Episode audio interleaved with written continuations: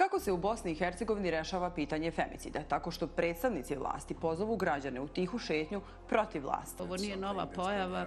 Riječ je o nečemu što se dešava godinama širom zemlje. Iz tog razloga je važno djelovati upravo u ovom trenutku. Do, došli su komše i kažu, pa eto mi smo nešto znali. Dođu ljudi iz centra socijalne vlade, kažu, ne možemo mi ulaz s njima u kuću. Pa ko može? Interventni vod policije. Sad kad dođemo do situacije gdje sistem ohrabruje ženu da prijavi, mi stalno to To se može isto smatrati djelomično licemjernim ako nema mehanizme kada prijavi, uh, jesmo li joj napravili veći problem. Nema tu nadležnosti, nema tu politike, nema tu nacionalnih linija, nema tu granica. Šta znači ljubav? Šta za jednu srednjoškolu kad kaže ja želim da on ljubomoran, mislim da je dobro da je ljubomoran, to je znak ljubavi. Kako definišemo ljubav? Šta nas zadovoljava u tom odnosu, dakle, da li percipiramo posesivnost pa i nasilje kao znak ljubavi? Šta ćemo sa, sa ovaj, emotivnog nasilja, sa seksualnog nasilja, sa uznemiravanjem na razne načine drugih. Je najvažniji pokazatelj e, taj da je 48% odraslih žena u Bosni i Hercegovini e, doživjelo neki oblik nasilja. Dakle, polovina žena ove zemlje. Dobrodošli u novu sezonu Oslobođene. Ovaj projekat podržala je misija OSCE-a u Bosni i Hercegovini.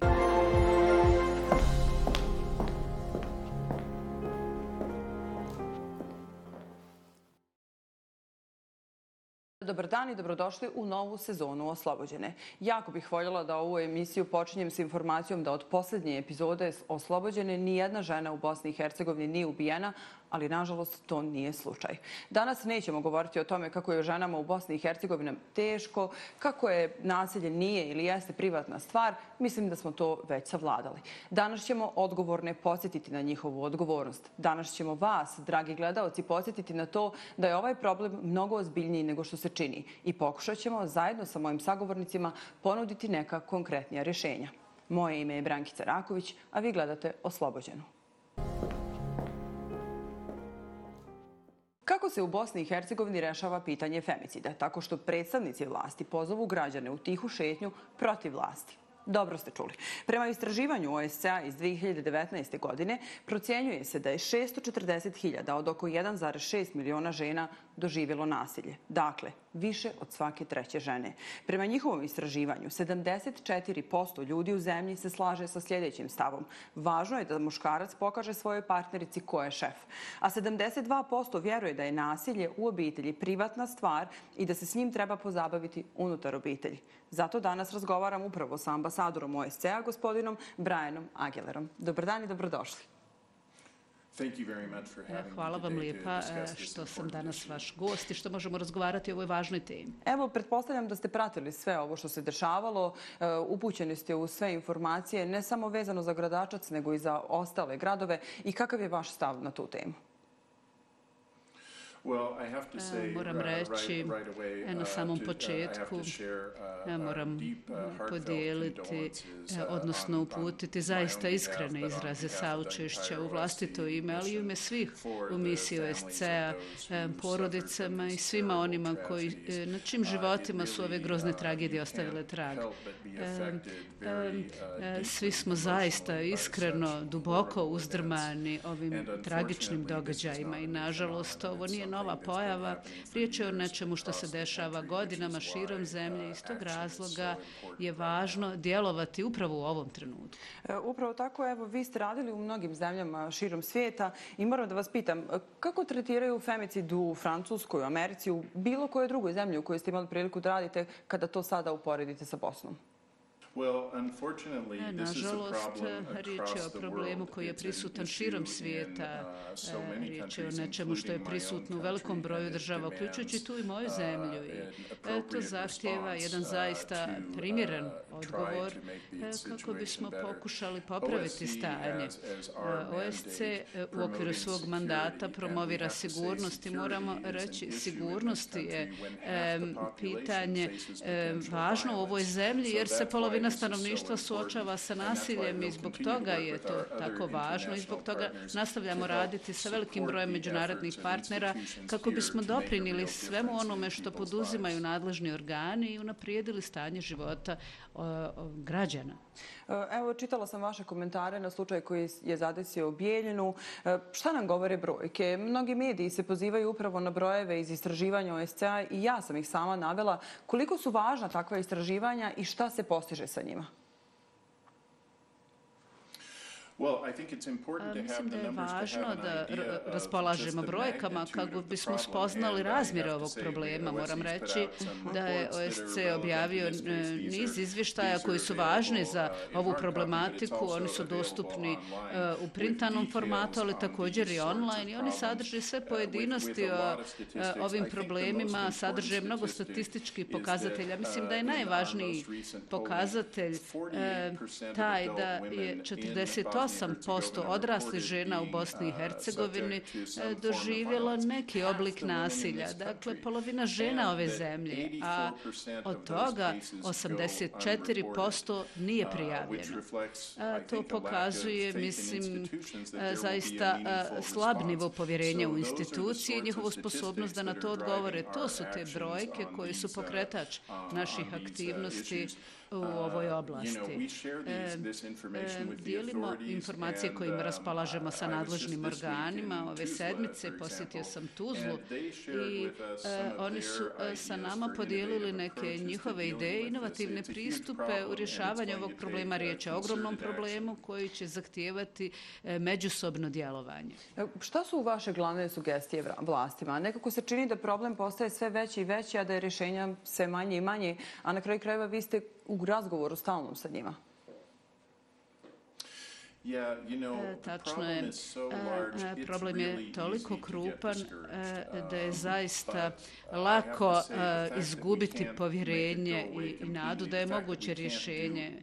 Međutim, e, ne možemo uraditi sve, ali to ne znači da ne trebamo pokušati uraditi uh, nešto. U tom uh, kontekstu, 29. E, augusta, uh, organizirali smo zajednički sastanak s rukovodećim predstavnicima institucija. Tu su sa nama bili predsjedavajući parlamentarne skupštine, predsjedavajući Visokog sudskog i tužilačkog vijeća, ministri E, pravosuđa i unutrašnjih poslova svih kantona u federaciji, e, predstavnici institucija iz Republike Srpske i iz federacije, nadležne agencije, svi su došli na taj sastanak i bio sam veoma ohrabren kad sam vidio da ih se pojavio tako veliki broj što pokazuje važnost ovog problema i potrebu za zajedničkim angažmanom u rješavanju tog problema. E, kao ljudska bića dužni smo pokušati riješiti taj problem koji pogađa tako veliki broj ljudi među nama. Želimo pronaći način da pružimo podršku aktivnostima koje će zaista donijeti poboljšanje stanja. To nam je u zajedničkom interesu OSC želi biti dio rješenja hvala vam što ste ovo rekli, ulijeva i nama nadu, vjerujem i mojim gledalcima. Šta su danje planovi OSCA na temu femicida i generalno na temu nasilja koje je zasnovano na polu? Uh, veliki je broj uh, različitih koraka koje treba poduzeti. Nije ovo problem samo policije i rada policije, iako uh, je obuka policije nešto o čemu smo se svi saglasili i ukazali da je važno. Riječ je o obrazovanju, problemu u sferi rada pravosuđa. Dakle, ovaj problem ima mnogo lica i zahtjevaće jedan multidisciplinaran pristup. Iz tog razloga želimo okupiti sve nadležne važne aktere i pokušati ostvariti stvaran napredak. Riječ je o zaista velikom problemu, ali iskreno ako e, možemo ostvariti dovoljan napredak, postarati se da jedna manje osoba živi u strahu ili izgubi život, mislim da je zalaganje vrijedno truda. That's right. We all uh, strive. Pored svega što vi radite i vaše bogate karijere, vi ste i otac jedne jako talentovane djevojke. Vjerujem da i vas taj problem i tekako zanima kako da ovaj svijet učinimo boljim za sve djevojčice bilo gdje na tački svijeta, pa evo i u Bosni i Hercegovini. Da, naravno, to što sam otac, e, nešto je što me ispunjava najvećom srećom, ali to me i vraća na potrebu da ovom problemu pristupimo kao ljudi, ljudska bića, ne kao birokrati, diplomate. Dakle, to mora biti osnova našeg odgovora. Kako bismo popravili stanje, moramo imati na umu važnost obrazovanja. Obrazovanje mora obuhvatiti ne samo djevojčice, već već i dječake, dakle cijelokupno društvo i e, moramo razviti osjećaj zajedničkih vrijednosti i poštovanja koje će omogućiti e, svima da napredu i ostvare svoj puni potencijal. E, koliko, ba, evo i sami ste spomenuli, koliko mislite da je u stvari važno educiranje mladih u Bosni i Hercegovini na sve osjetljive teme, ne samo novu, i dječaka i djevojčica? To je zaista veoma važno, ima uh, suštinski uh, značaj. Uh, rodne razlike su samo jedan dio, ali uopšteno govoreći, ukoliko želimo da društvo bude uspješno, moramo razvijati empatiju, razvijati uzajemno poštovanje, vrijednosti, ravnopravnosti, odbacivati mržnju, odbacivati predrasude. Ako uspijemo odnjegovati te zajedničke vrijednosti u društvu, onda su to osnovne pretpostavke za ostvarenje uspjeha svih. Tu, time će biti riješeni mnogi problemi, ne samo rodne razlike, nego i mnogi drugi problemi, ne samo u Bosni i Hercegovini, već i šire u cijelom svijetu. Koliko je OSC sarađuje sa lokalnim zajednicama i posebno sa organizacijama koje se bore za eh, ravnopravnost polova u Bosni i Hercegovini. E, da, zaista sarađujemo uh, sa navedenim uh, grupama e, koje e, rade zaista u interesu cjelokupnog društva. Često rade sa veoma ograničenim resursima i podnose veliki pritisak. Upoznao sam te zaista vrijedne i posvećene ljude širom ove zemlje. Imam ogromno poštovanje za sve ono što rade u interesu cjelokupnog ovog društva. Želim istaći da predlaganje predlaganjem novih inicijativa zaista ne želimo umanjiti vrijednost svega onoga što su već uradili ovi zaista vrijedni ljudi u skloništima, sigurnim kućama, agencijama, institucijama širom zemlje. Ono što oni rade zahtjeva zaista najveće poštovanje svih nas. Mi ih smatramo, mi u OSCE-u smatramo ih e, našim partnerima. E, predložili smo da se uradi više i moram e, reći da sam uvjeren da i ti ljudi smatraju da je to potrebno potrebno. E, prema vašem mišljenju, gdje se Bosna i Hercegovina nalazi na tom putu ka jednakosti polova? Već smo uh, govorili uh, uh, o ovim uznemirujućim statističkim pokazateljima kojima se moramo pozabaviti kako bismo ostvarili napredak. Kao što ste rekli, ovdje je potreban jedan multidisciplinaran pristup u kojem će učestvovati svi sektori, javne službe, ali i svi segmenti društva. Zaista sam uvjeren da imamo priliku da ostvarimo jednu krupnu promjenu. Moram spomenuti da ovdje nije riječ o nečemu e, čime se moramo pozavati na političkom nivou. Riječ je o rodnom, rodnoj ravnopravnosti u svim dijelovima društva, uključujući tu i privatni e, sektor gdje e, je poštovanje zaista sasvim neophodno kako bi bio ostvaren napredak. Statistički pokazatelji sasvim su jasni. U društvima gdje su žene osnažene, cijelo društvo ostvaruje uspjeh i napredak. To dakle nije samo problem žena, e, već nešto što je u interesu svih članova ovog društva, u interesu uspjeha cijelog društva. OSC e, želi podržati takve aktivnosti. Zaista me ohrabruje e, mišljenje dužnostnika sa kojima smo razgovarali. Zaista želimo igrati pozitivnu ulogu i podržati ih u njihovom radu. Vidjet ćemo šta možemo napraviti i kakve iskoraci su mogući. Prije nego što pređemo na drugu temu, dozvolite mi samo da kažem i ovo. Želimo vidjeti stvarnu promjenu na kratkoročnom planu. Ako e, je neko žrtva nasilja u porodici, želim ih posjetiti da postoje dvije SOS linije kojima se mogu obraditi, obratiti. Obje su besplatne u federaciji broj 1265, a u Republici Srpskoj broj je 1264. To su brojevi gdje žrtve mogu dobiti podršku, mogu tražiti da ostanu anonimni i neće biti obavezni prijaviti to nadležnim organima. Nadamo se da neće biti mnogo poziva, ali je također važno da ljudi znaju da su im ovi resursi na raspolaganju. Mnogo vam hvala za dolazak danas, hvala vam za razgovor i prije svega hvala vam za ovu dozu optimizma koju ste donijeli u studiju. Radujemo se svemu što ćete uraditi i što ćete biti partner svih nas na ovom putu do rodne ravnopravnosti. Hvala vam lijepa što ste me pozvali u goste. Nadam se da i na vas ambasador uspio da prenese ovu dozu optimizma i za kraj ovog njegovog gostovanja bih samo citirala baš njega. Društva rastu onda kada se žene osjećaju dovoljno sigurne da i one u njemu rastu. Kada govorimo o femicidu, možemo mi da pričamo danima, ali ukoliko nas ne čuju ljudi koji mogu da donesu neke odluke ili da promjene stvar, uzalud vam trud svirači. Jedna od onih koji se trude da čuju je i Sabina Ćudić, zastupnica u predstavničkom domu parlamenta BiH i poslanica u parlamentarnoj skupštini Savjeta Evrope. Sabina, dobar dan i dobrodošla u Oslobođenu. Dobar dan, hvala na pozivu. Evo, moram da počnem sa pitanjem, jesmo li mi u Bosni i Hercegovini uopšte oslobođene? Pa nismo, naravno da nismo. Mislim, teško je generalizovati, sada naravno. možemo pričati o tome jako dugo, ali je činjenica da imamo i neke retrogradne faktore koji nas u stvari, ja bih rekla, vuku unatrag. I ne samo da se ne krećemo dovoljno brzo u pravom pravcu, već mislim da imamo i pojava koje nas zapravo vraćaju unatrag. Evo, ti si žena u politici, nema vas mnogo. E, kakav je osjećaj uopšte, evo, prije nego što krenem na temu današnje emisije, zanima me koliko često se ti osjećaš nekako zatvoreno u tom cijelom sistemu, jer mnogo, malo toga zavisi od tebe u stvari.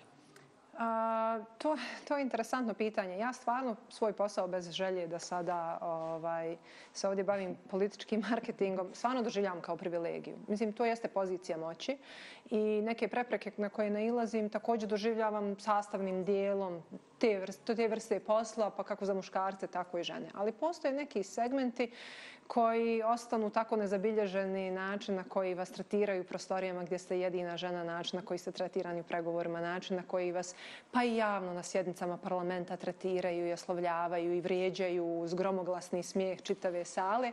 I nije to sada pitanje Sabine Čudić, mislim da je to zapravo uh, jedna jasna slika šta ti ljudi onda i u privatnosti svojih domova rade, ali unutar svojih političkih organizacija način na koji doživljavaju žene. I meni je zapravo drago kada to izađe na vidjelo kako bi ljudi znali da odgovornost zapravo političara počinje u njihovoj političkoj organizaciji, političkoj kulturi i načinu na koji obnašaju taj posao. Evo, pričat ćemo kasnije o tom odnosu, ali evo, vjerujem da će se sve žene složiti sa mnom hvalati za svaki put kad se to podijelila, jer čini mi se da e, ne vrijedi više ona ignorišite budale pa će one nestati. Mislim da je neophodno uperiti prstom i reći ovo, ovako izgleda u javnom prostoru odnos prema ženama. To je uvijek dilema, to je uvijek dilema da li se baviti tim. E, bezbroj puta sam i objavila neke stvari, ali puno puta nisam, jer ne želite da se vaš politički angažman bavi vama.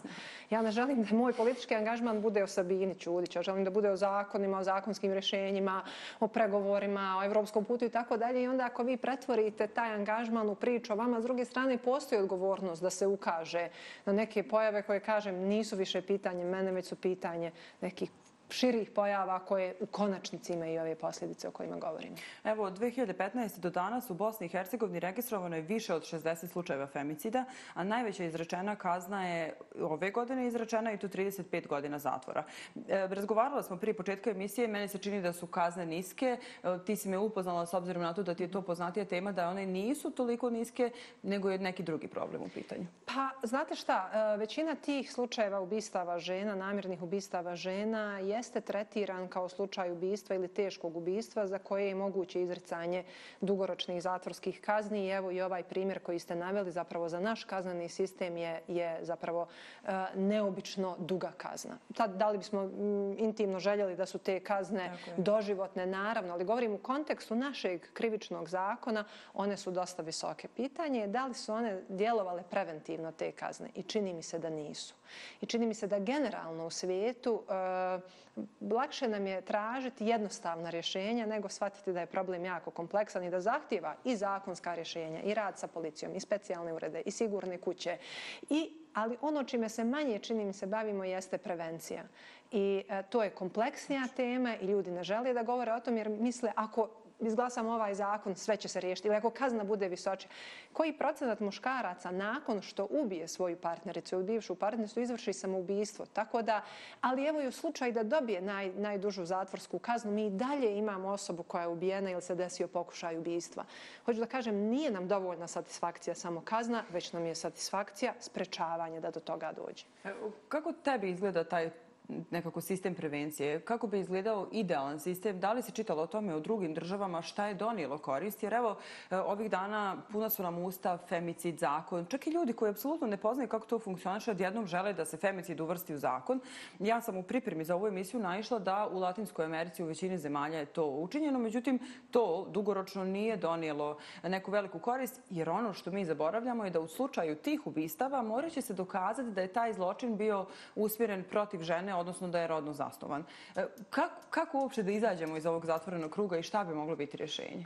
Postoji isto i razlog zašto je taj zakon prisutan u zemljama Latino Amerike. U zemljama gdje je e, ubijstvo, dakle partnerica, toliko sve prisutno i gdje su statistike veće, onda se ide naravno neka zakonska rješenja koja ukazuju i na veličinu problema oni neminovno ne rješavaju problem, ali adresiraju to pitanje osvještavanja. Dakle, ja sam sigurna da je u proteklim sedmicama i mjesecima veći broj ljudi, ako ništa istraživao što uopšte znači femicid, da, da su morali na neki način da se odrede prema tome, pa pozitivno ili negativno, ali je započelo jednu širu društvenu diskusiju. Ja to taj segment pozdravljam. Mislim da onaj dio koji nije dobar jeste što mislimo da bi on riješio problem. On može biti dio rješenja problema, ali evo statistike tamo gdje i postoje zakoni pokazuju da u stvari e, nije neminovno, evo kao smrtna kazna, ne znam, u zemljama gdje postoji, nije neminovno preventivna. Osoba koja želi do te mjere psihički i fizički kontrolisati svoju partnericu, do te mjere da je spremana na ubijstvo, rijetko da će pomisliti aha, sada je kazna zatvora umjesto 30-40 godina. Neću da banalizujem, to jasno, može biti jasno. dio, to, to je važan segment, ali... Jedna puzla u čitavom sistemu. Tako je. Kod prevencije, Mislim, živjela sam u raznim zemljama širom svijeta i ono što izučavala sam ne, pretvara sam, ne pretvaram se da sam ekspert. Mislim, postoje nevladne organizacije koje, mm -hmm. i, i aktivistkinje koje pozdravljam ovim putem, koji znaju daleko više od mene i, i ne želim sada se pretvarati da sam ekspert. Ali u svom zakonodavnom radu istraživala sam brojeve, istraživanja statistike i tako dalje.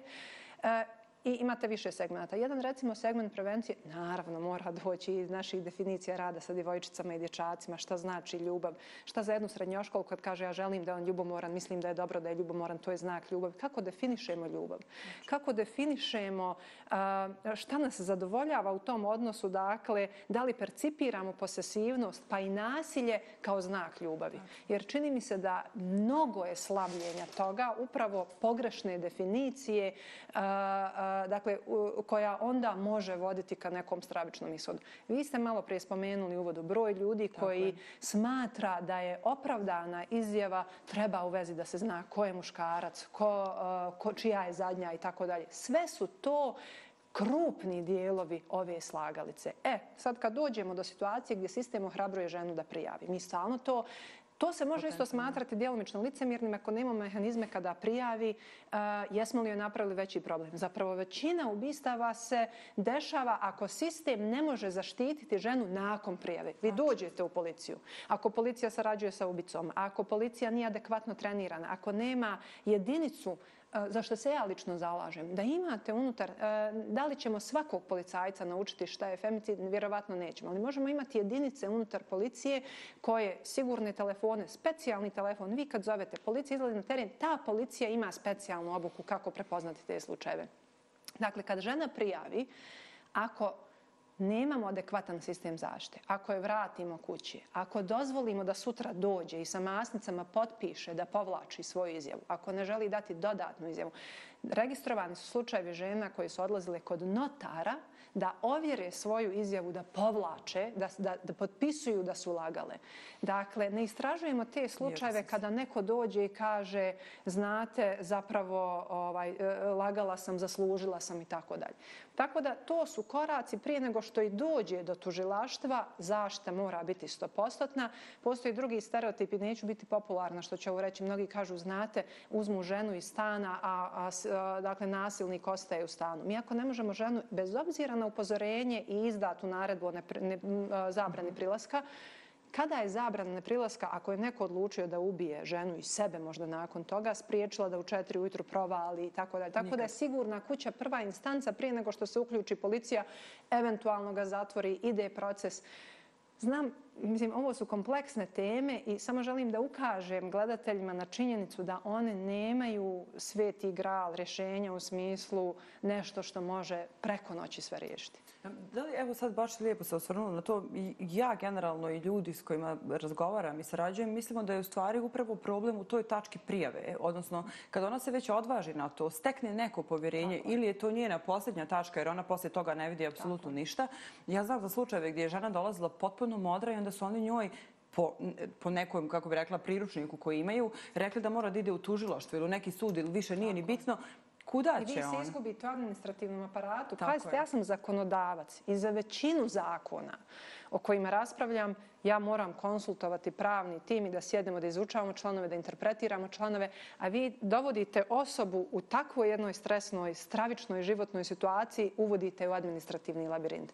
Naravno, tu moramo olakšati. Ali kad govorimo kod ove Kod ove prevencije statistički žene koje doživljavaju nasilje u porodici ili nad kojima, koje e, su dakle ubijene u slučajima femicida, statistika je tu neumoljiva. To jesu žene koje su, e, ne kažem u svim slučajima, ja govorim o većini, tako da ljudi često anegdotalno kažu, ali ja znam, ja dobro razumijem, ali govorimo, na, na, dakle, statistički su žene koje su ekonomski podređene partneru, koje su uh, niže obrazovane, koje... I onda o tome moramo govoriti. Znate, sad me neke kolege sa mnom u parlamentu, oni žele rezolucije, oni su najglasniji u zaštiti. Glasali su protiv, dakle, porodilskih naknada za nezaposlene žene žena kada rodi po istraživanjima u jednoj ranjivoj poziciji sa partnerom, dakle ako, ste ekon, ako niste ekonomski neovisni i ako i vi i vaše dijete koje ste možda tek rodili zavisite ekonomski i svakako drugačije od vašeg partnera, vi ste u jednoj podređenoj poziciji.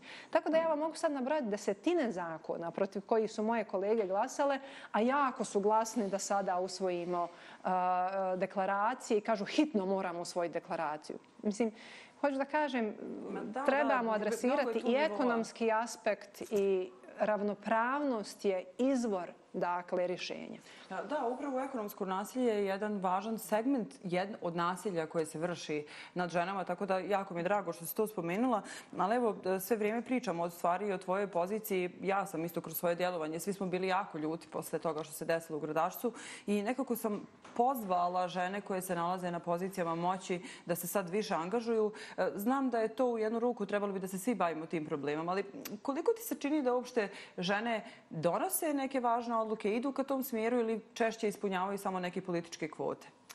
Moje iskustvo, evo, desetogodišnje u politici, da i muškarci i žene u Bosni i Hercegovini u politici najčešće ispunjavaju kvote. Ja tu ne bih razlikovala muškarce i žene zato što imam kolega i kolegica, ali evo, ja bih rekla brojčano veći broj kolega sa kojima sam možda u parlamentarnim klupama godinama za koje još uvijek ne znam kako im glas zvuči. Zaista ne znam. Mislim, ne bih prepoznala. Ovaj. Čak mi se znalo desiti nakon tri godine u federalnom parlamentu da mi se osoba na ulici obrati, ja pružim ruku da se upoznam, kaže Sabina, kolege smo u parlamentu, jer nikad nisu govorili, rijetko dolaze na sjednice, vrlo mi je teško upoznati ih. Mislim, uh, hoću da kažem, sistem je takav da vi u zakonodavna tijela ili na izvršnu poziciju, tim više dolazite već politički formirani, a formirala vas je stranka iz koje dolazite. I ako stranka toleriše to ili čak slavi te mačo principe, koja je vjerovatnoća da ćete ili kao žena ili kao muškarac onda postaje svejedno izboriti za neku poziciju ukoliko nešto slijepo pratite.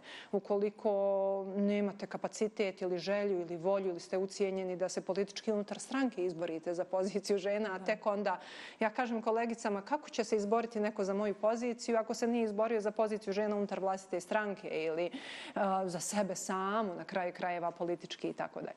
Tako da ne bih tu neminovno razdvajala, ali postoji to neko težište na ženama radi njihovih vlastih ličnih iskustava da malo bolje razumiju tematiku je, i postoji je. nešto što, pazite, puno životnih iskustava koji imaju neki muškarci, ja nemam i vjerovatno su oni spremni i bolje kapacitirani da možda razgovaraju o tim životnim iskustvima, ne znam, boračka populacija, rudarska populacija, trudim se razumjeti, sastajem se, ali u konačnici očekujete da neko iz tih redova ovaj, ne nešto kaže, pa odatle i moje očekivanje od kolegica da shvataju iz svog životnog iskustva da je neke stvari, da neke stvari uistinu jesu teže za žene. Upravo tako i na kraju krajeva i birali smo e, većina nas i kad zaokružuje na listiću bira žene da bi danas sutra to neko, neka povezanost koja nam je dan, ta polno, bila otprilike neki, ono, kako bi rekla, kamen povezivanja između da. nas kako bismo riješili zajedno neku stvar. Pa ja često to osjetim, ali znate u konačnici kod mnogo stranaka stranka u konačnici odlučuje kako ćete vi glasati i onda ostvarite neku konekciju u hodniku, pomislite wow, bravo, idemo zajedno, ćemo ovo i onda da. jednostavno dođe neka finalna odluka sa vrha i, i to na tome stane. Mislim da, ali i to je stvar osnaživanja, pa i žena na pozicijama u politici a, da, da i žena i muškaraca da ne osiguravaju sebi pozicije poslušnošću Tako već je, stavom.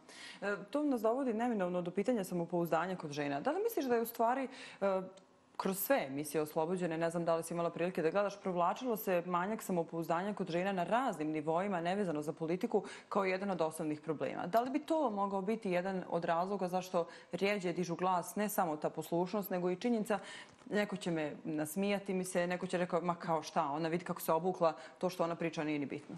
Ja sam u jednom momentu ovaj, o tvojoj profesiji, profesiji radila istraživanje i kontaktirala sam žurnalistiku na Sarajevskom mm -hmm. univerzitetu na političkim naukama i tražila sam statistike koji broj upiše djevojaka, koji broj muškaraca, sa kojim prosjekom diplomiraju i prosjeku za koliko godina.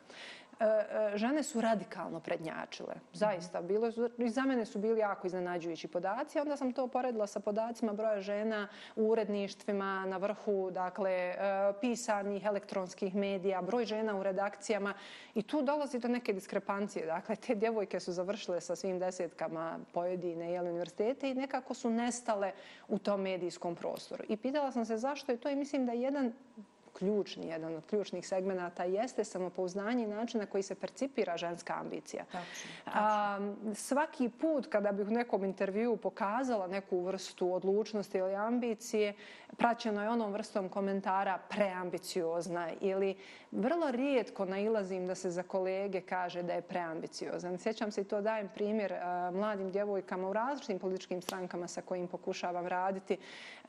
Dakle, pretražite u googlajte, ne znam, Hillary Clinton preambiciozna ili bilo koji drugi političar u Americi, naći ćete stotine miliona rezultata za žene, ali nećete naći za muškarce, pa valjda se podrazumijeva da ste ambiciozni ako želite biti na najmoćnijoj političkoj poziciji na planeti. Mislim, to bi nekako čovjek pretpostavljao da je, da je jedan od preduslova možda. Ovaj, Dakle, kako percipiramo žensku ambiciju, kako um, ja često ispravljam kolege u parlamentu koji pogradno govore ženama iz drugih strana kako su nametljive, ako prekidaju, ako stanite, stanite. Mislim, jezik, e, riječnik koji koristite za te kolegice drugačije, a, reći će za kolegicu da je lapača, da je bezobrazna, ali ne nailazim na isti žargon kada su u pitanju kolege koje vrijeđaju, prekidaju, a, grade daleko gore stvari i tako dalje. Tako da način na koji percipiramo, radili su čak studije o tome kada identična beba je obučena različito u stereotipično dječačke boje i boje za djevojčice, samo na videu na kom plače ispitanici zaokružuju različite opise kako doživljavaju raspoloženje te bebe. Djevojčica je tužna, usamljena, gladna, dječak je bijesan i tako dalje.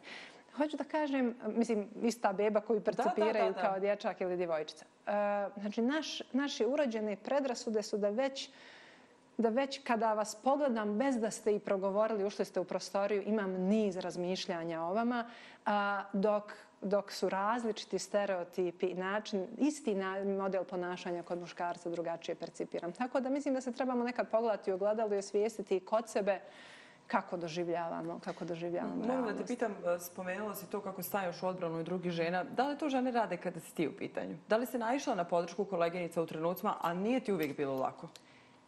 Nisam, nekada sam naišla možda na najuvredljivije stvari od kolegica, ali ja to doživljavam kao neki prirodni emancipatorni proces koji se mora preživjeti i desiti, pa na kraju krajeva i pokušavam svojim možda nekim djelovanjem, tvrdoglavom odbranom nekada njih da inspirišem da možda razmisle o tom modelu ponašanja. Jer ako budemo to kao podržat ću te samo ako ti mene podržiš, mislim da, da nećemo daleko stići, jer mislim da trebamo inspirisati ljude, zagolicati njihovu maštu političku da misle pa stani može i ovako. Ili nije prepreka da ne mislim da da moj politički uspjeh mora neminovno doći na štetu nečijeg političkog uspjeha. Niti mislim da je to da je ograničen broj količina podrške, pa da ako je ja yes, dobijem, niko drugi potrošit će se podrška, ne smije niko drugi dobiti. A, i, I moram priznati da sam imala privilegiju da sam nailazila na podršku akademskoj zajednici kada sam živjela, još kada sam kao srednjoškolka dobila stipendiju za odlazak u Ameriku. Imala sam nekoliko profesorica koji su mene, na ta, možda ne bi ni ja tako danas radila, da me nisu inspirisale na način da su ono uvijek govorile kad se popnete uz neke merdevine, pričuvate te merdevine narednoj ženi, a ne da ih gurnete i kao što ja sam se popela, žao mi je, sad se ti potrudi sama tako da imala sam fantastičnu inspiraciju. Nedavno sam se javila svojoj profesorici srednje škole u Americi koja je duboko penziji. Još jednom joj se zahvalila na tim nekim modelima ponašanja. Evo, moram da ti kažem da kada sam rekla da ćeš doći u Oslobođenu, bilo je žena koji su rekli da si od uvijek bila genijalna, koje te jako podržavaju, bez obzira na političku opredeljenost. Mislim da je to više bila ono girl to girl stav, tako da evo, može biti ponosna. To je najveća privilegija, iskreno. E, evo, e, svjedoci smo nemilog događaja koji se desio u Gradačcu. E, nekako sve eksplodiralo, što je neko rekao, ujedinili smo se. Cijela Bosna i Hercegovina je bila stala na jednu stranu, na stranu na kojoj nije bio nasilnik, na kojoj nije bio sistem. Međutim, malo nakon toga desio se slučaj u Bijeljini, desio se slučaj u Živinicama koji nije nekako izazvao ni 10% te pažnje. Pričali smo o potrošenoj količini podrške. Da li je moguće da su društvene mreže i mediji generalno e, doprinijeli da sad odjednom jedan slučaj bude važniji od drugog i kako ti vidiš s obzirom na to da koristiš e, društvene mreže i u promociji nekih svojih stavova ulogu medija u svemu ovome? To je mač sa dvije oštrice. Mediji su mač sa dvije oštrice i društveni mediji način na koji mi, evo ja lično koristimo, su mač sa dvije oštrice zato što ako ste dovoljno spretni sa društvenim mrežama, možete biti politički i društveno i na svaki drugi način manipulativni da sebe brendirate u onom svjetlu u kom vam odgovara da se brendirate. I nismo, nisam nija lično imuna na to. Dakle, mi svi slažemo neku sliku sebe u javnosti i e, iz tog razloga je e, mašć sa dvije oštrice. S druge strane, uvijek postoji neki slučaj, ako gledamo primjere, recimo, borbe za ljudska prava u Americi u proteklih 150 godina. Mi možemo nabrojati pet imena, ne znam, Rosa Parks, sigurno su bile i druge mm -hmm. žene koji se borile je, za prava afroamerikanaca, ali eto, taj simbolički slučaj je bio neka prelomna tačka. Tako da imali smo slučaj ubijstva čovjeka od strane američke policije. Imamo konstantne slučajeve nasilja policije nad, nad manjinama, ali uvijek ima ta neka prelomna tačka koja dobije ogromnu količinu medijske pažnje. E sada, hoćemo li mi e, brutalno rečeno iskoristiti tu medijsku pažnju za dobro ili će ona biti, biti iskorištena u nekom političkom, ja bih rekla, turbo folk političkom pristupu gdje svi poletimo na društvene mreže da kažemo neku pametnu, da okačimo pametan citat, da inspirišemo, da se tužni uslikamo i hoćemo li održati neophodne sastanke dan nakon, gdje smo za tri mjeseca, hoće li nas neko iz medija nazvati za godinu dana i reći, a stanite, vi ste nešto dali se tu izjavu, a, mene boli nedostatak pod pitanja na preskonferencijama. Ja sam se dugo bavila debatom, ja nekad nešto kažem i pomislim, pa dobro, valjda će se sad neko sjetiti da dovede u pitanje ovo što govorim sa ovom vrstom pod pitanja i onda nekad novinar kažu hvala vam Sabina, doviđenja. Mislim, da kažem, da li mediji prate e, ja to vidim po svom djetetu, jako nam je kratka koncentracija. Mislim, osjećaj za koncentraciju je i ispario sa društvenim mrežama i čini mi se da su i mediji postali takvi. Reću ti da istraživanje pokazuje da tačno tri sekunde imamo za novu to je to. Ja, ja se sjećam kad smo mi išli u, u vrtiće da smo mogli biti zabavljeni sa bajkom koju nam teta čita 40 minuta.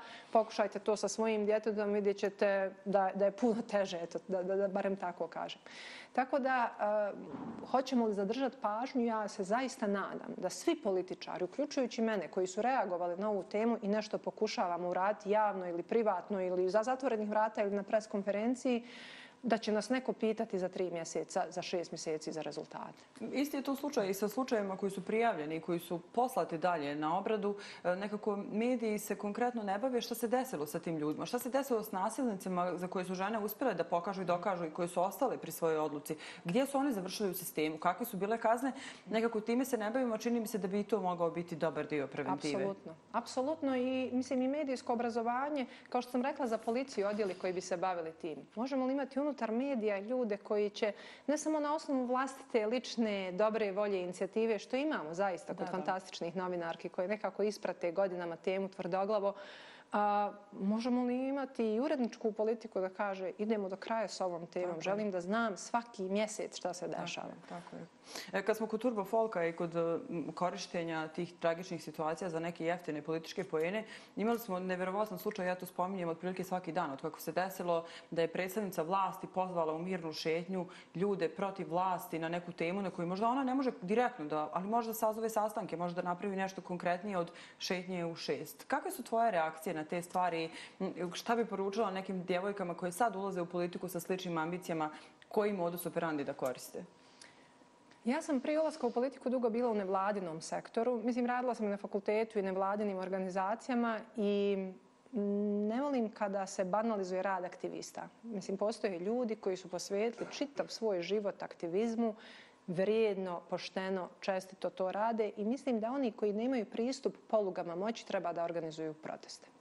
Tačno. Uh, jer šta je protest po definiciji? Evo, hajdemo krenuti nekako. Jel, politološki protest je defini po definiciji uh, protest obespravljen. Dakle, uh, pobuna obespravljenih, oni kojima su tradicionalni mehanizmi zakazali i ili zbog nedostatka pristupa ili odbijanja tih tradicionalnih mehanizama ovaj, na neki način, onda je posljednja instanca A, Ja čak i kada smo u poziciji bila, stran mi je bio taj koncept, e, kada su recimo bili proteste ispred OHR-a, ja, ja sam odbila da odem jer sam rekla moje mjesto unutra na pregovorima, a ne da mašem zastavama ispred zgrade. Mislim, ja, ako sam u poziciji moći, ja moram da, da praktikujem tu moć. Ja sam plaćena za poziciju moći.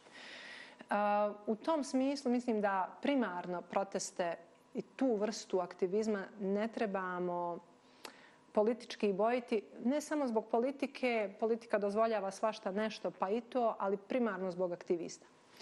Um, ali eto, postoje različite političke metode, ne želim ulaziti u te rasprave, naravno. svako ko misli da, da je to način, uh, ali ima taj segment protestovanja protiv samih sebe i kada se onda upute zahtjevi, konkretno se kome upućuju i ko preuzima odgovornost za implementaciju tih zahtjeva i hoće li uslijediti poziv o kom smo i malo prije pričali za godinu dana i reći ko je trebao ispuniti, je li ispunio te zahtjeve, kako su zahtjevi nastali u 24 sata. Mislim, malo je neozbiljna tema. Evo, čitavu emisiju pokušavamo da dočaramo koliko je kompleksna i onda mi u 24 sata da. izađemo ovaj, poput vilenjaka i kažemo evo šta samo treba da se uradi. Mislim, ja bih voljela da je tako, ali nažalost nije.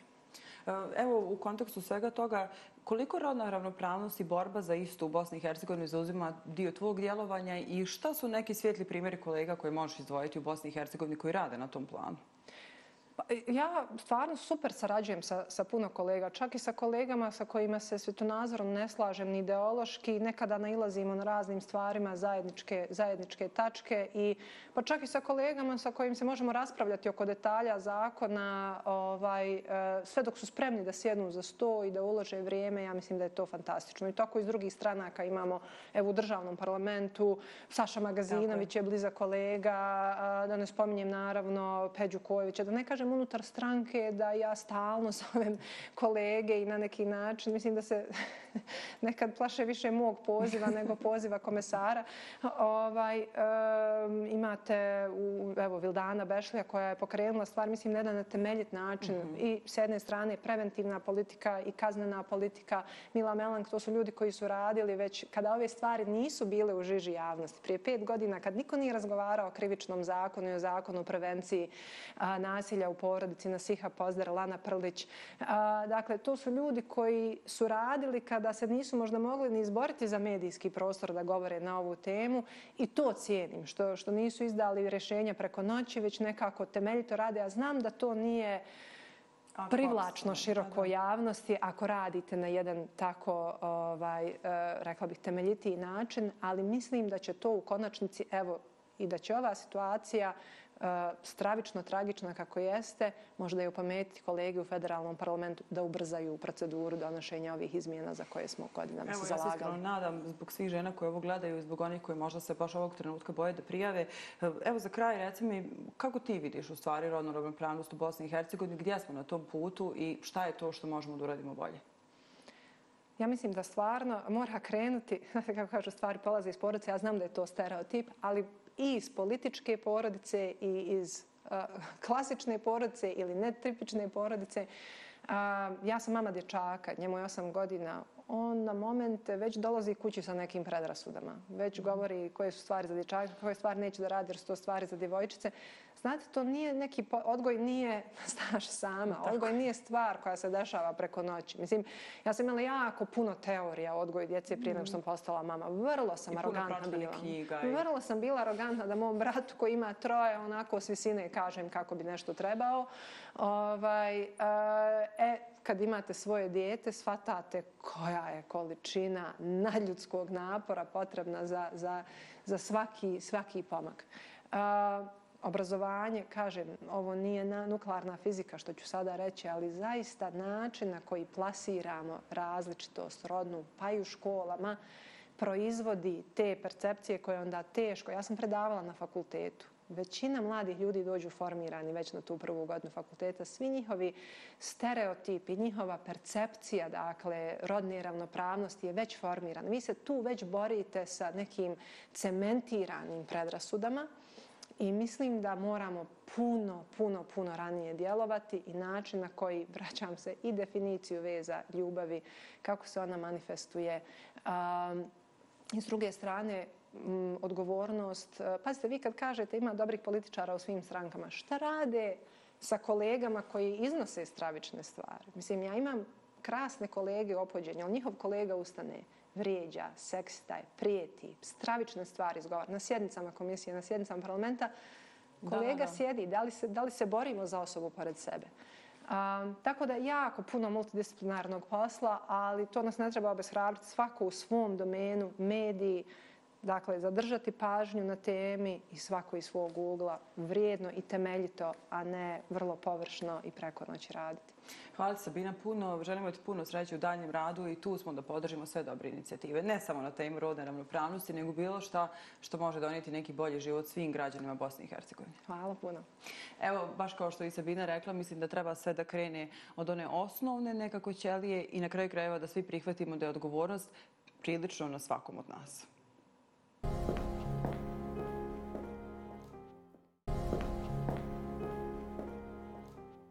Pogled koji često preskačemo na bilo koju društvenu temu, pa i na femicid, je sociološki pogled. Koliko je on važan, govori činjenica da snimak ubistva na nizame još uvijek možete naći u tamnim dijelovima interneta.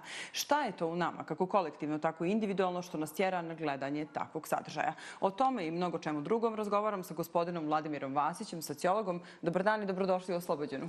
Hvala vama na pozivu i zaista mi je čast govoriti nažalost ovako teškim temama, ali mi je drago što ste otvorili ove teme na jedan zdrav način. Pitanje svih pitanja je šta se u stvari dešava sa društvom. Mi smo svjedoci nemili događaja, femicid je goruća tema. Malo prije toga to je bilo vršnjačko nasilje. Šta će donijeti kraj godine, ne možemo ni pretpostaviti. Gdje smo skrenuli pogrešno?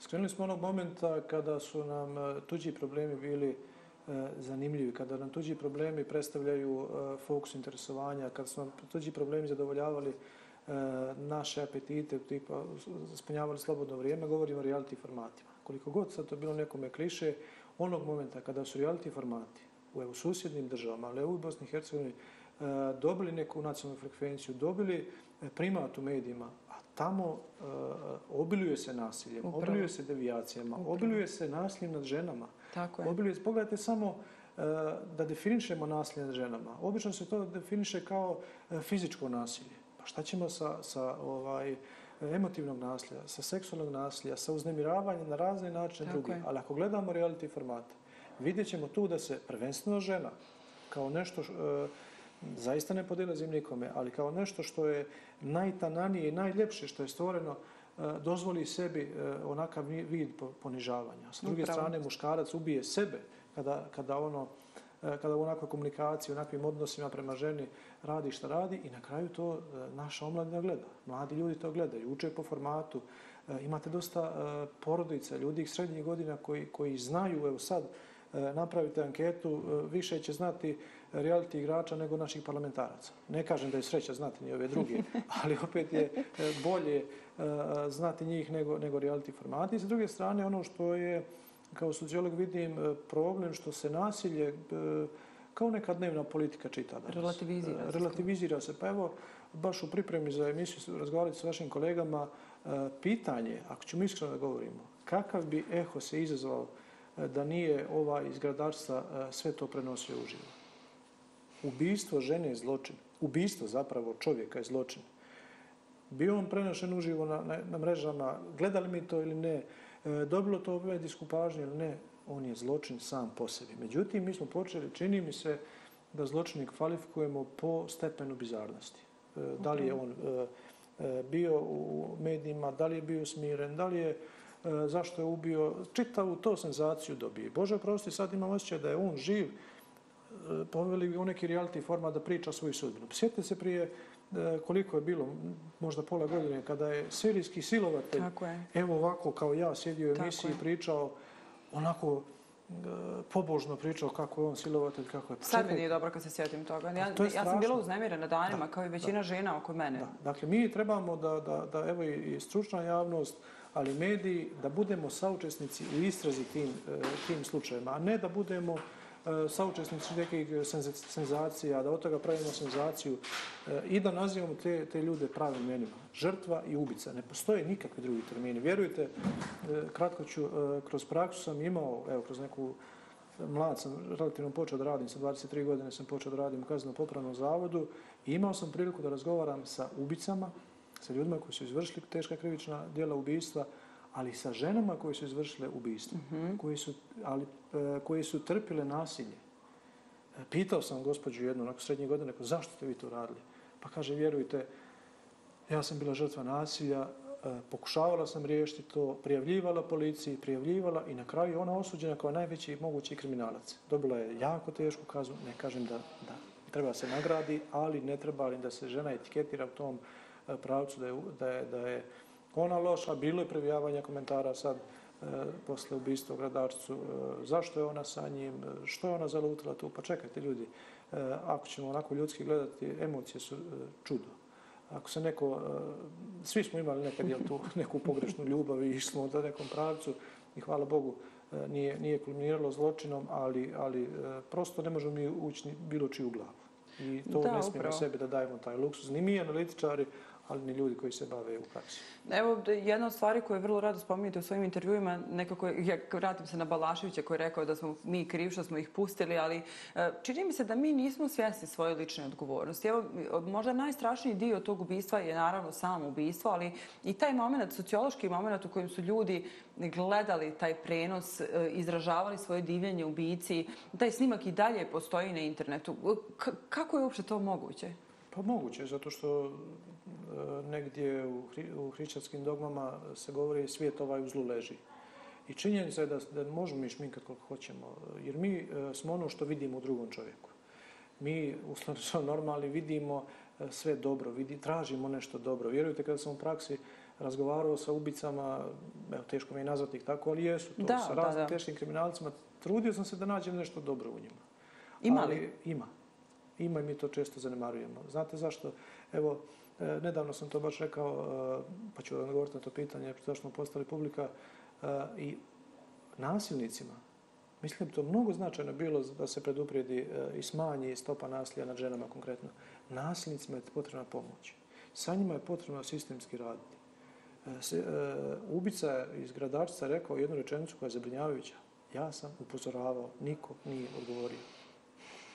Možemo mi sad reći da je sistem kriv, da se njih nema dijete ostalo bez roditelja, Tačno. porodice su totalno rasturene i tako dalje i tome slično. Dakle, potrebno je pomoći nasilnicima. Imao sam slučaj iz prakse i vrlo rado ga, rado ga pominje u medijima mladića koji je sa, sa 16 godina izvršio ključno dijelo ubijstva Ja sam e, jedno šest, sedam mjeseci po tri sata svaki dan sa njim razgovarao u šetnji i kad sam izašao iz, iz ustanove kao početnik u svemu tome, sam tvrdio ovaj mladić će izaći iz zatvora kao, kao resocijalizovana osoba. Svi su me napravili, ne prvo da kažem, napravili budalom, ti si pretjeruješ, ti si ovakav, onakav. Danas je taj mladić oženjen, radi, ima posao, obrisana kazna evidencija. Dakle, možemo. Možemo jedno dijete izvući iz problema, to je odlično.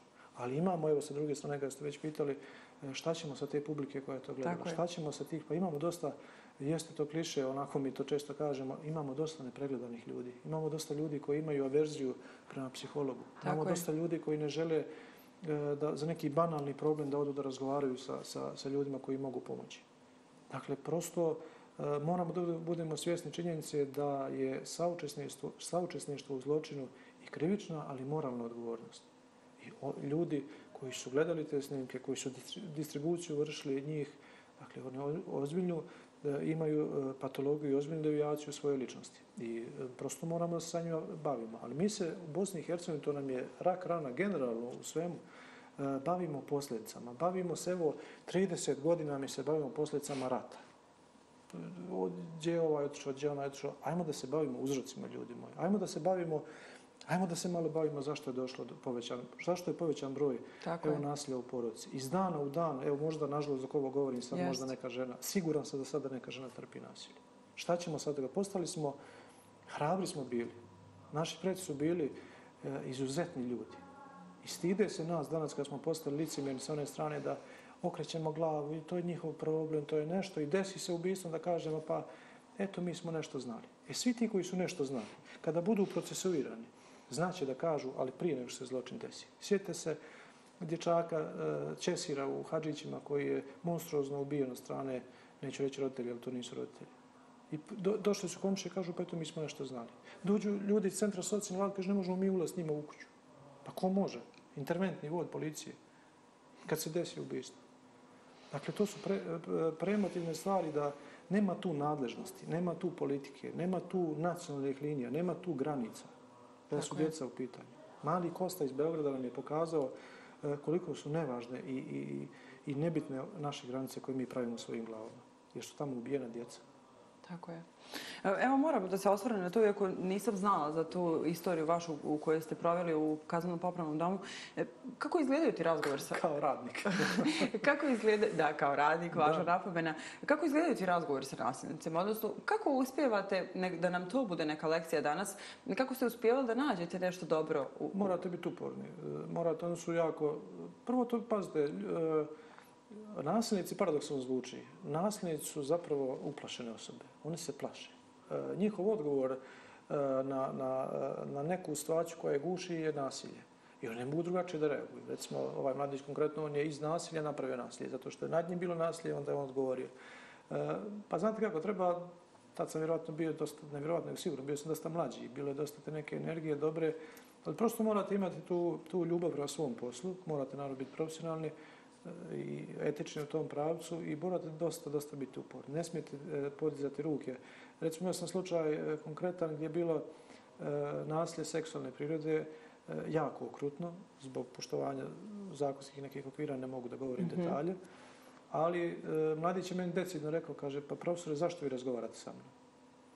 Slušaj, rekao, citiram, to što ste uradio se meni gadi, ali ja želim tebi da pomogu. I onda se ja ustao i zagrlio sam ga i to je bilo tako dosta emotivno. Naravno, to nije po zakonu, ne bi smjeli to da radimo, ali ako će taj zagrljaj pomoći, dajte da ih zagrljamo, da im pomognemo.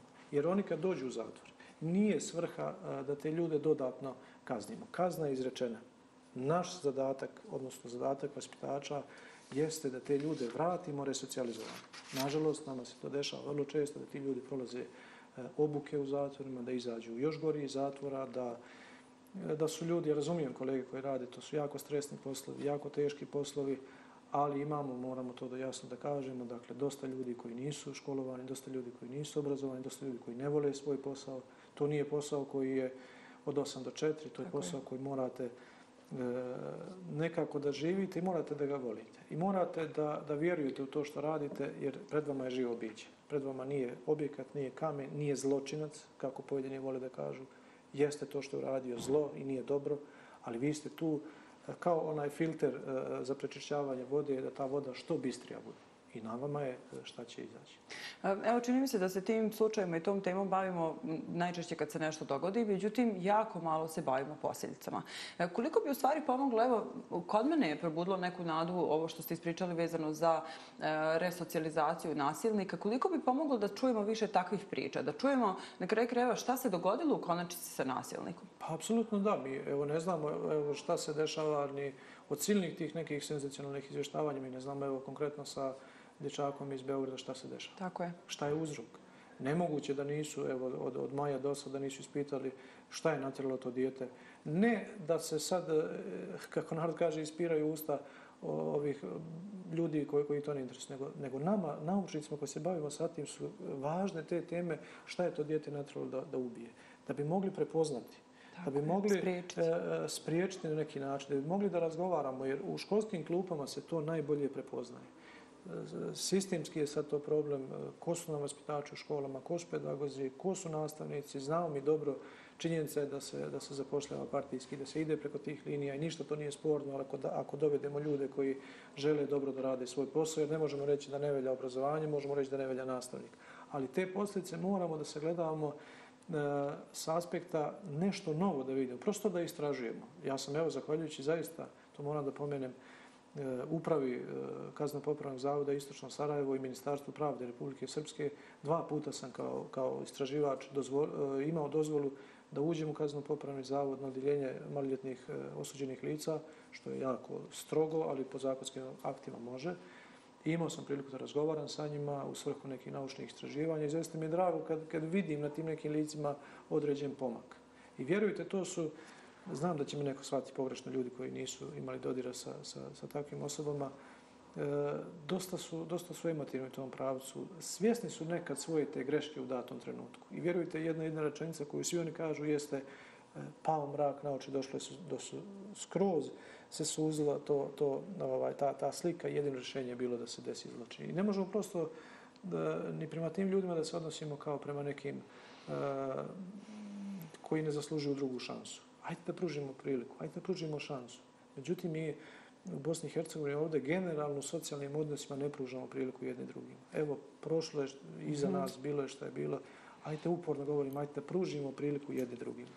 Jer je suludo i nesrećno da nam je tamo draži neko iz Njemačke ili Španije od naših ljudi ovdje koji su e, i govore kao mi, izgledaju kao mi, razumijemo se odlično, e, džedovi su nam iz istog tanjira, jeli?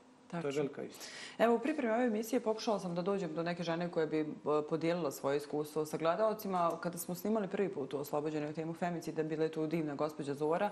Međutim, mnogo njih se javilo da je prošlo takve stvari, ali da ih je sramota da pričaju o tome e, iz jednog jedinog razloga. Kasnije neki potencijalni budući partner može ih okarakterisati kao one nad kojima je vršeno nasilje, kao žrtvu. E, kako smo mi kao društvo došli u situaciju da se one koje bi trebalo da su heroine, jer su izašle, žive i uslovno rečeno zdrave iz tog odnosa, e, osjećaju sramotu i zašto nas uvijek, već godinama i decenijama, kroz sve situacije vodi strah? Pa zato što smo iskrivili totalno sistem vrijednosti. Ono što je nekada bilo za ponos, danas je sramota. E, evo, konkretno mi smo u 90% slučajeva u Bosni i Hercegovini religiozni, vjerujući ljudi po nekim statistikama. I danas je nekako demode kad neko mlad ide, ide redovno u džamiju, klanja pet vakata, kada neko ide u crkvu, kada neko ništa stu loše neće naučiti, ali ja, oni nekako iksiraju, niste vi savremeni, niste, pa i, i, i religijske zajednice su i kako savremeni. Ovo vremene su. Evo sad, sada se desi da, da siđe prorok Mohamed, da siđe Hristos, šta bi nas, pa ne bi nas vraćao 300 godina nazad, nego bi E, nas upravlja ovo savremeno društvo, da živimo, da budemo normalni. Ali problem, zaista je ozbiljna bolest, ozbiljna ovog svijeta što izvrćemo ono što je, što je ovaj dobro, okrećemo da je loše, ono što je loše da je, da je dobro. Mislim da, da me ne shvati pogotovo da me ženski svijet ne shvati pogrešno, da ta silna feministička udruženja nekad idu u devijaciju da se bave, e, čini mi se više se bave e, problemom abortusa, da li će neka žena imati dijete ili neće imati umjesto da se bave konkretnim nekim e, problemima. Evo, evo nasilje među ženama, pravima žena, kako žena da se oslobodi, da izađe u javnost, kaže jesam, ja sam bila žrtva nasilja, tačka. Evo ja ću sad da kažem ja jesam bio žrtva na, me, maloljetske delinkvencije i nemam problem to da kažem. I što se desilo u tom slučaju? Pa evo, ne, bio sam neko je bio žrtva, sad sam e, naučnik iz te oblasti. A kako je reagovao sistem u vašem slučaju? Pa, znate kako je, kako je reagovao sistem, odnosno kako sam ja reagovao. Prije par godina gostao sam u jednoj TV emisiji koja je uživo išla i koju su gledali naravno moji roditelji i na moje iznenađenje, ili na njihovo zaprepoštenje, novinarka je pitala, kaže, dobro, vi ne krijete, vi ste bili žrtva nasilja i oni su tad tek saznali. Dakle, moja greška. Evo, pozivam sve ljude tako ne reaguju. Dakle, e, nije sramota trpiti nasilje, nije sramota biti žrtva nasilja, sramota je i saučesništvo trpiti nasilje i, nego, i, ne izaći u javnost. Moraju žene danas da se oslobode tih nekih stereotipa iz prošlosti, muškarci pogotovo, dakle, prošla su ta neka vremena koja mi pogrešno tumačimo, e, ona standardna rečenica zna se gdje je ženi mjesto. Pa zna se, e, ženi je mjesto pored muškarca.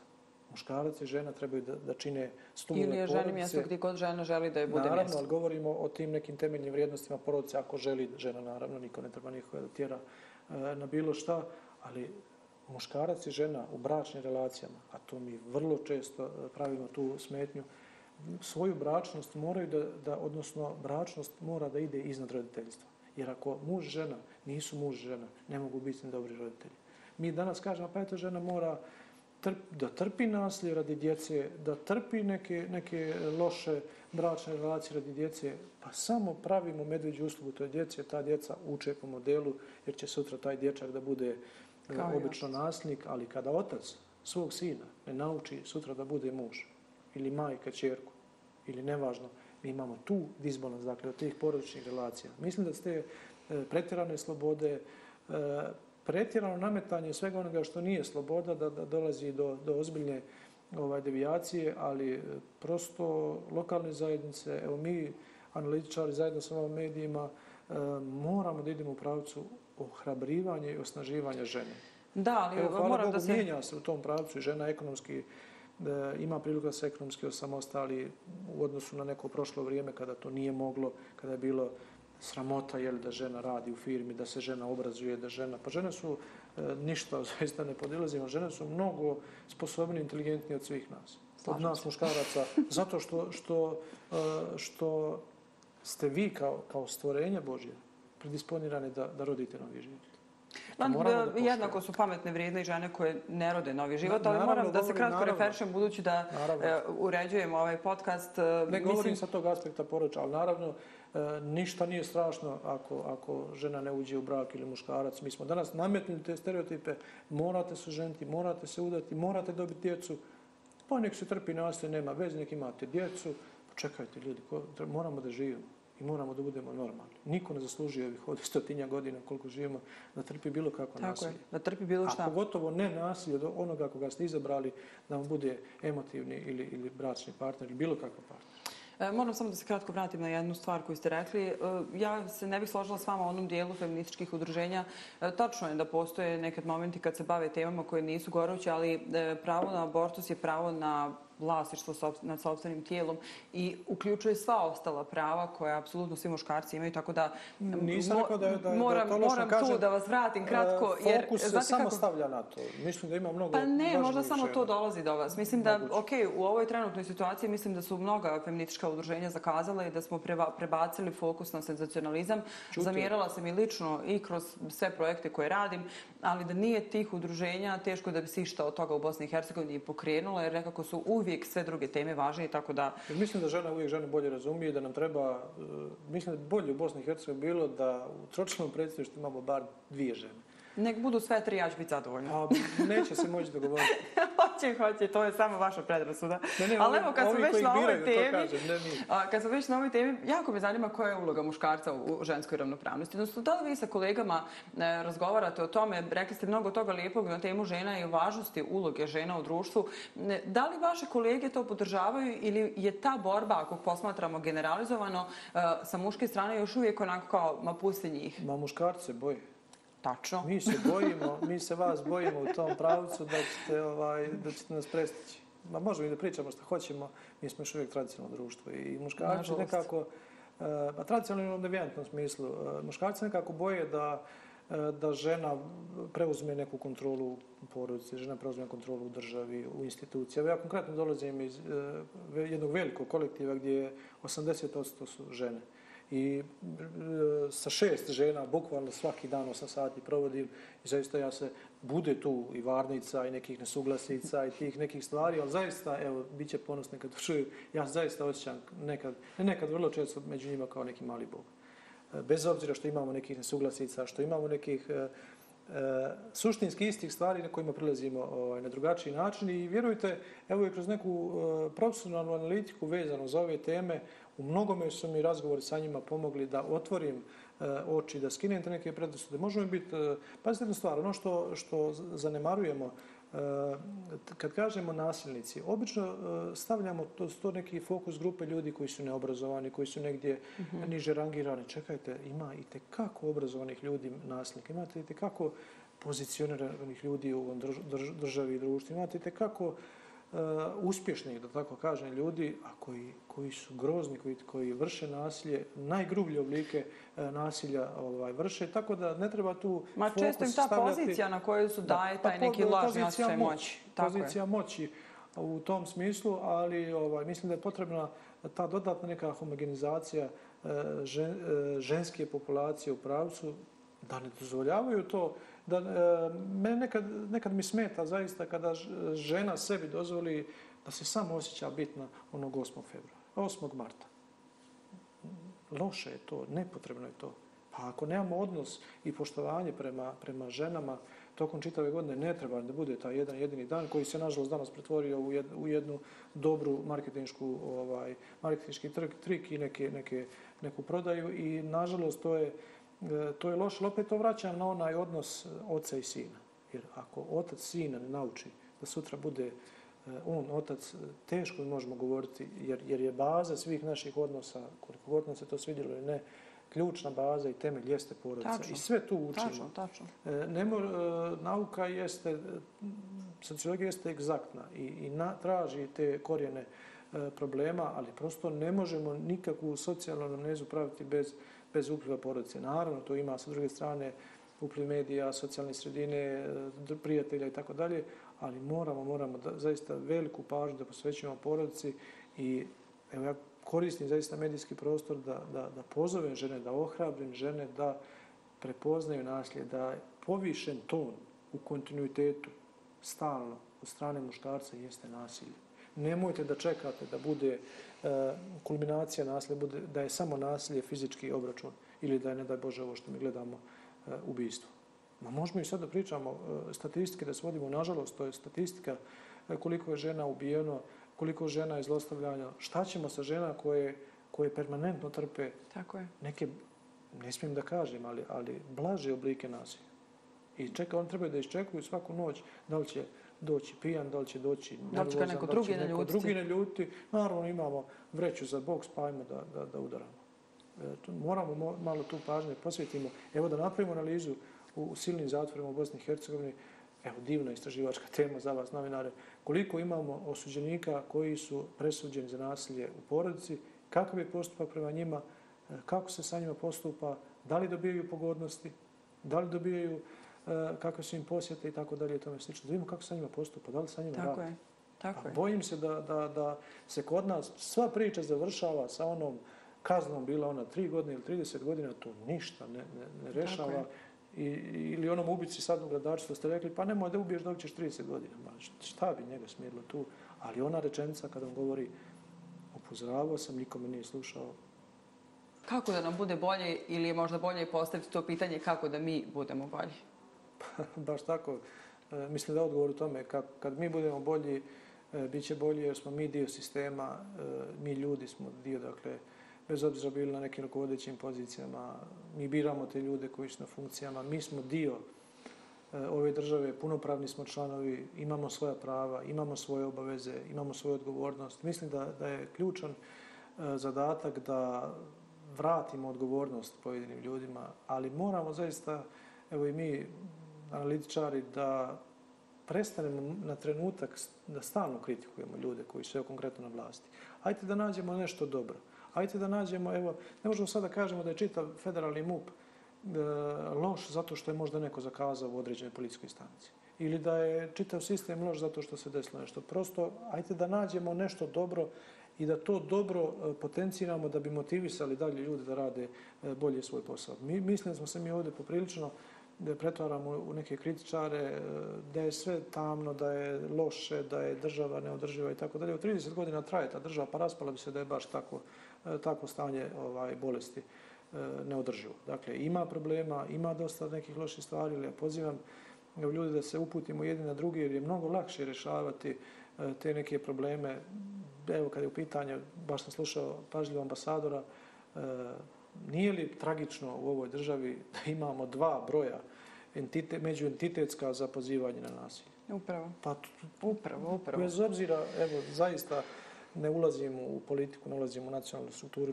bilo koga, ali čekajte ljudi, ako nam nasilje ima Čekaj, Neki znači, preznak. nasilje jedno u Republici Srpskoj, drugo u Federaciji, treće u kantonu, u ovome gore distriktu Grčko. Ima razlika neka. Ako nam je to, ako smo do te mjere došli, onda to stvarno nije dobro. Ali sa druge strane, evo, pohvalno je da se međunarodna zajednica uključuje, e, da pruža svoje mehanizme da se, da se ovaj, ti problemi rešavaju i moramo zaista svi da se trudimo i kad prepoznamo, kada vidimo nešto da je loše, to loše da prijavimo organima ove države, jer ima dosta ljudi koji idealno rade svoj posao. Imamo dosta profesionalaca, imamo dosta ljudi koji žele da rade svoj posao. Ajde da im malo pomognemo i ajde da kažemo da su to divni ljudi koji, da njih nema, mislim da bi ovdje bila jedna, jedna ozbiljna anarhija.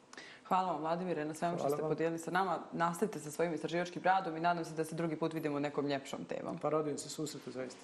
A ja nam svima želim da sljedeća oslobođena na temu, ovu temu i njoj slično, bude puna nekih rješenja, puna pozitivnih pomaka i puna onih stvari koje sve želimo, a to je manji broj ubistava ili ako ikako moguće da ih više nikad ni ne bude.